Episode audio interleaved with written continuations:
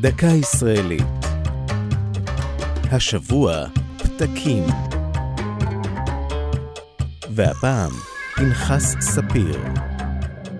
דמיינו עולם בלי בירוקרטיה, פקידים וטפסים. הייתכן? לשר האוצר השלישי, פנחס ספיר, היה פתרון משלו. צטלח, פתקים ביידיש. ספיר ראה בהם הזדמנות לקצר תהליכים בירוקרטיים. השר היה ידוע בפנקסו השחור שדפיו היו שווים זהב.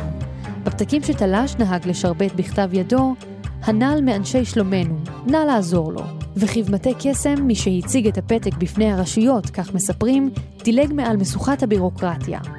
מנהג זה תרם לתדמית שהתפתחה לספיר.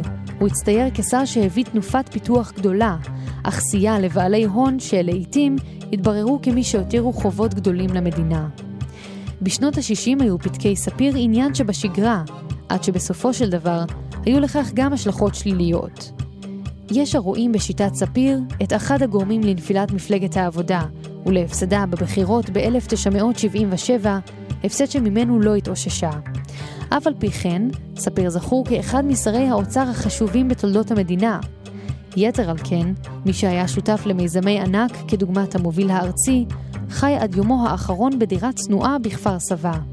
פנחס ספיר הלך לעולמו ב-1975.